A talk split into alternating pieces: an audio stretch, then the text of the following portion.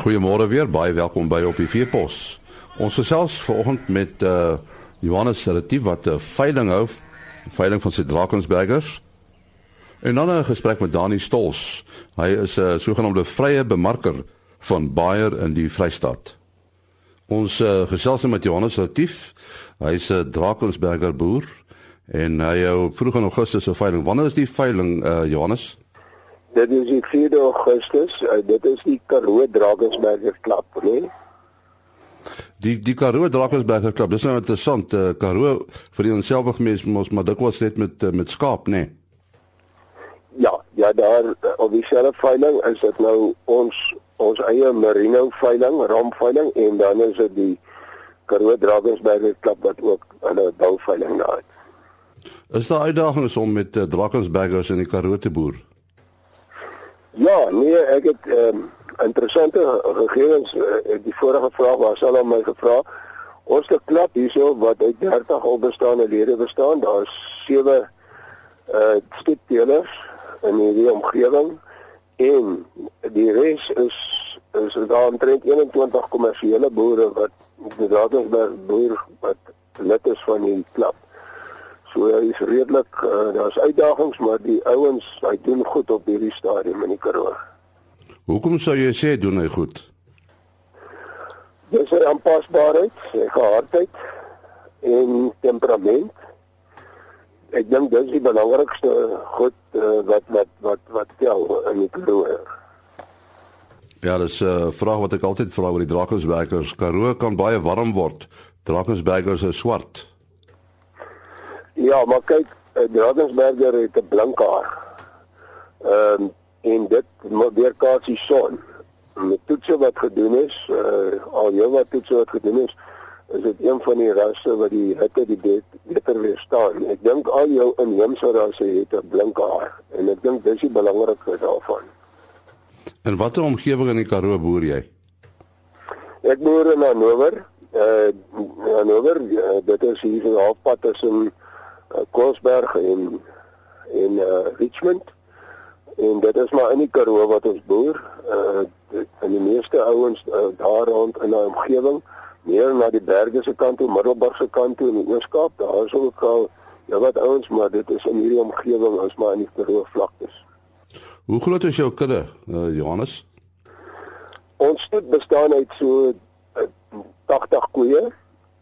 Uh wat wat loop uh, by verskillende partye so grafenet partye is in en ja die ander is in Hannover op op die plaas. Ons is so enige familie besigheid ek en my twee seuns en twee van my skoonseuns is almal betrokke in stoet. En ehm um, en en ja ons is maar hoofsaaklik marine boere die eerste is is 'n noodsaaklike deel in die Karoo geword eerste uh, maar nou nie op 'n skaal soos die ouens in die in die grasdele nie op baie groot skaal nie En, en die skape en die bees loop hulle in dieselfde kampe?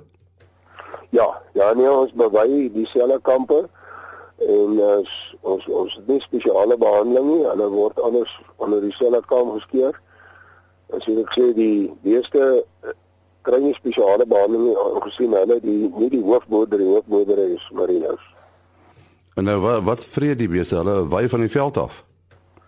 Hulle wy absoluut uh, in die gras en die bosse, hulle vreet die bosse ook as jy meer in jou leegtes ingaan, waar jy meer gaan na veld en daai tipe ding kry, hulle vreet hom en uh en en en ons het uh, werklik goeie resultate daarmee uh om dit saam met jou skaap te gebruik om jou veld baie beter te benut.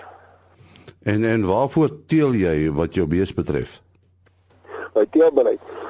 My teelbeleid is omdat hier kyk omdat ons prestasietoetsing doen is ons diere aangepas in die omstandighede waar ons boer. En die punt is om 'n dier te kry wat die loopvermoë het en wat die wat die minste arbeid verg van ons af uh wat kan oorwinter in die winter met 'n dek. En en en ons kry baie goeie resultate daarmee. En en en dan is ek ook een wat nogal geneig is om te glo in 'n mate met slim inteling nie heeltemal uh, net eenvoudig sommer net te teel nie maar as jy dit reg te werk gaan is die enigste manier wat jy regtig erfdwang in jou diere kan inkry. En dit was ook maar altyd my beleid. Uh die klapveiling, uh is dit die eerste maal dat jy so 'n uh, klapveiling hou? Nee, nee, dit is ons 13de klapveiling. En hoe gaan dit oor die algemeen daarmee? Nee, dit gaan goed. Ehm um, ja, ons die die ouens uh, ons ons ons het 14 binne op die veiling. Dit uh, op ons slapveiling en ja, ons het sover binne ons redelik goed daarmee en en daar's baie mense wat wat wat kom en redelik wyd ook in in daar meer Oos-Kaapse dele kry jy ook jou wat boere wat kom na die veiling toe. En ja, sover ding ons sukses, ons het die ras gepromoveer en ek dink die ras brei uit. Dit is wat die belangrikste is op die stadium in die Karoo. Nou goed, Johannes het vir die datum en miskien 'n telefoonnommer. Ja, die datum is die 4de Augustus op die plaas Gordonsfontein. Dit is so 30 km van Hannover af en so 36 km van Middelburg af aan die N10 en die ehm um, telefoonnommer kan jy my skakel op 082 385 1821. Ja, baie dankie Johannes Retief. Net vir sy nommer 082 385 1821. Ons uh, gesels met Dani Stols. Hy is 'n uh, veldbeampte van Beyer, 'n uh, sogenaamde vrye bemarker. Dis nou 'n interessante woord. Wat is 'n vrye bemarker, Dani? Uh op die einde van die dag is dit eintlik jy werk vir jouself en jy het 'n agentskap van 'n maatskappy wie se produkte jy dan bemark. Hoe lank doen jy dit al? Uh ek het basies begin in 2003. So dis nou so 12 jaar wat ons uh basies as vrye bemarkers diens doen. Jy jy's in Bloemfontein gestasioneer, né? Nee? Dis korrek, ja. Bloemfontein ek doen basies die Wes-Vrystaat, die Suid-Vrystaat, die Oos-Vrystaat en 'n stukkie van die Noord-Oos-Vrystaat. So dis eintlik die hele Vrystaat amper. Ja, ja, jy kan sê ons omtrent die helfte van die Vrystaat.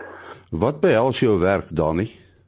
Uh dit is maar die bemarking van veemiddels aan aan aan die boeregemeenskap, uh diens aan die koöperatiewe uh besighede en dan ook veeartse. Jy jy doen ook uh dinge soos mismonsters, hè? Ja, kyk wat ek basies doen is maar 'n diens wat ek lewer aan die boere. Ek neem uh mismonsters en dan doen ek eiertelling van die parasiete teenwoordig in die diere. En dan gee dit 'n aanduiding vir die boer moet hy doseer of kan hy dalk nog 'n rukkie wag voordat hy die dosering moet doen. Uh die aard van die saak is jy heelwat op die pad, né? Ja, ja nee, ek is basies elke dag op die pad. Daar's min dat jy regtig kantoorure het. Uh so ja, nee nee ek ek, ek sien nogal mooi dele van die van die Vrystaat. En wat is jou suksesresep? Wat is vir jou die belangrikste in jou werk? Ag, kom ek vir jou sê uh eerlikheid, opregtheid is is is 'n groot uh, bron van sukses in in in die beroep wat ons ons beroep van die boer moet jou vertrou om jou produkte kan uh, aankoop en te gebruik. En jy moet jou boere ken, né? Natuurlik, natuurlik moet jy moet jy nie moet ook nie bang wees om 'n hek oop te maak nie. Ek meen daar jy nou by vreemde plekke aansluit of wat ook al of boere wat jy nou nog nie by uitgekom het nie. Uh moet jy nie bang wees om 'n hek oop te maak en om te besoek nie. En die boere moet jou vertrou, né? Dit is absoluut so. Nee, nee, kyk die hulle sê mos die eerste indruk is blywend. So jy moet 'n goeie jy moet 'n goeie beeld uitdra sodat die boer jou kan vertrou en en en jou kan innooi en jou produk dan op die einde van die dag te kan gebruik. En en die gebied wat jy nou bedien, is dit nou uh, gemengde boerderye, bees en skaap? Uh ja, bees en skaap en hy hy hy begin nou baie sterk na wildse kant toe neig, hier veral in die Wes-Vrystaat. Groot dele hier na Kimberley se kant toe en goed is groot dele wat nou oorskakel na wild toe. En dan bees en skaap is maar die is maar die groot groot ding en dan uh ook die pluimveebedryf. Dis ook 'n nuwe veld wat ons besig is om te ontgin. Uh eier sowel as braaiteken. Een van die uitdagings is seker maar die weerstand wat ontwikkel, né? Dis reg, ja. Nee nee, dit dit kry jy nogal baie.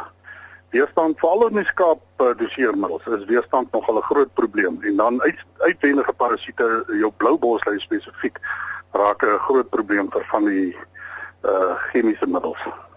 En wat beveel jy nou maar aan vir die boere? Nee, wel afwisseling van van van chemiese komponente is baie belangrik om om die uh, parasiete uh keer dat hy weerstand kan ontwikkel teen die chemiese aktief en dan uh die doeltreffendheid van van om die regte goed op die regte dosis aan te aan te bied vir die vir die diere. Help nie jy jy uh onderdoseer of jy oordoseer nie. Jy moet die regte dosis waar volgens die produk ontwikkel is, moet jy uh vir die dier ingee. En die boere luister dan na jou. Wel hulle moet as hy as hy sukses wil hê en hy wil uh uh, uh sukses van sy besigheid doen, dan moet hy dan moet hy maar luister. Kry baie van hulle wat nie luister nie, maar op die einde van die dag doen hy homself net skade want hy kan nie die maksimum uh produksie en reproduksie uit sy diere uitkry nie. Maar jy werk ook seker saam met die veeartse. Ons werk baie nou saam met veeartse waar jy in 'n gebied werk en goed, uh jy ken al die veeartse, hulle ken jou, so dit is baie belangrik dat dat uh hy ook verstaan van jou chemiese middels wat jy bemark. Hoekom jy dit aanbeveel en uh hy weet ook wat is die regte regte produkte om te gebruik. Dit was uh, Dani Stols wat gesels het oor sy werk as vrye bemarker van Bayer. Tot môreoggend om 4:45. Alles van die beste. Ah.